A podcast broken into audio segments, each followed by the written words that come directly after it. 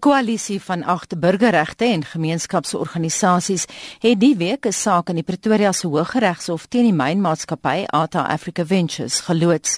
Die koalisie wil die myn verhoed om steenkool by Mabola buite Wakkerstroom, Mpumalanga te ontgin. En ons praat nou met die uitvoerende direkteur van die koalisie vir die Sentrum vir Omgewingsregte, Melissa Fourie. Goeiemôre Melissa. Goeiemôre. Waaroor gaan die hofaksie presies? Uh, so daar's eintlik 'n hele reeks hofaksies en statutêre appelle aan die gang waarin ons kliënte, dis 'n ko koalisie van 8 nie-regerings en gemeenskapsorganisasies, ehm um, verskeie eh, lisensies wat toegestaan is vir hierdie steenkoolmyn in 'n beskermde area en dis ook 'n strategiese waterbron area te syde wil stel.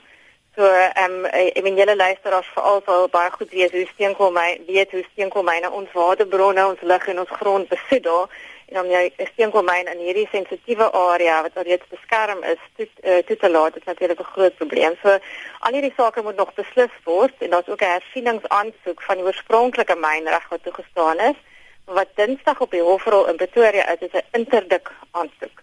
So um, ons kliënte vra die hof om die mynmaatskappy te verbied om te begin myn.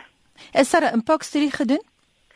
Uh Daar was oorspronklik 'n impakstudie gedoen, ja. Ehm um, dit is eh uh, en, en aanvanklik was dit ook bevind dat daar groot probleme is om met om om 'n steenkoolmyn in hierdie area area te begin. Ehm uh, maar uh, uh, ons regerings eh uh, departemente het uiteindelik besluit dat dit alles gemitigeer kan word. Maar ons natuurlik glad nie saamstem nie. Ons het in die inleiding verwys na 'n koalisie van 8 burgerregte en gemeenskapsorganisasies. Wie is hulle? Ja, so dit is nogal 'n ongewone situasie. Ehm um, dit wys vir ook hoe ernstig hierdie saak is. Eh uh, dit is organisasies met die naam Groundwork, uh, South Africa Johannesburg, ehm um, uh, die Mining and Environmental Justice Community Network van Suid-Afrika, BirdLife South Africa, die Endangered Wildlife Trust, die Benchmarks Foundation en die Association for Water and Rural Development Award. En hulle word verteenwoordig deur die Sentrum vir Omgewingsregte. Kan jy ons meer vertel oor die eintlike mynmaatskappy? Waar kom hulle vandaan? Ja, so die mynmaatskappy um, is as Africa Ventures Pty Limited word besit deur 'n Indiese moedermaatskappy en dit is 'n Suid-Afrikaanse uh, BEE trust ook hier in Suid-Afrika. Ek wil net bevestig so die departement van omgewingsake het vir die maatskappy toestemmings en permitte gegee. Ja, so dis dis eintlik verskeie departemente wat toestemming gegee het. Ehm um, Uh en so so dit is belangrik om te verstaan dat die die wet om bes, op beskermde areas maak voorsiening daarvoor dat kommersiële mynbou wel kan plaasvind binne 'n beskermde omgewing. Dit is nou nie 'n nasionale park nie, dit is 'n beskermde omgewing.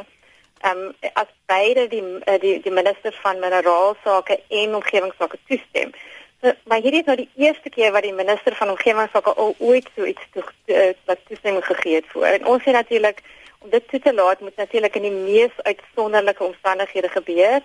Ehm um, en die minister moet natuurlik dink oor haar grondwetlike verpligtinge en sy is natuurlik ook die openbare trustee vir beskermde areas en vir die omgewing. So, jy weet ons het baie groot probleme met hierdie besluit wat geneem is deur verskeie departemente maar veral die minister van omgewingsake. So ons gaan nou al hierdie besluite na Manie Hof moet toets. Baie dankie en dit dan die uitvoerende direkteur van die koalisie vir die sentrum vir omgewingsregte, Melissa Fourie, en die saak word Dinsdag aangehoor.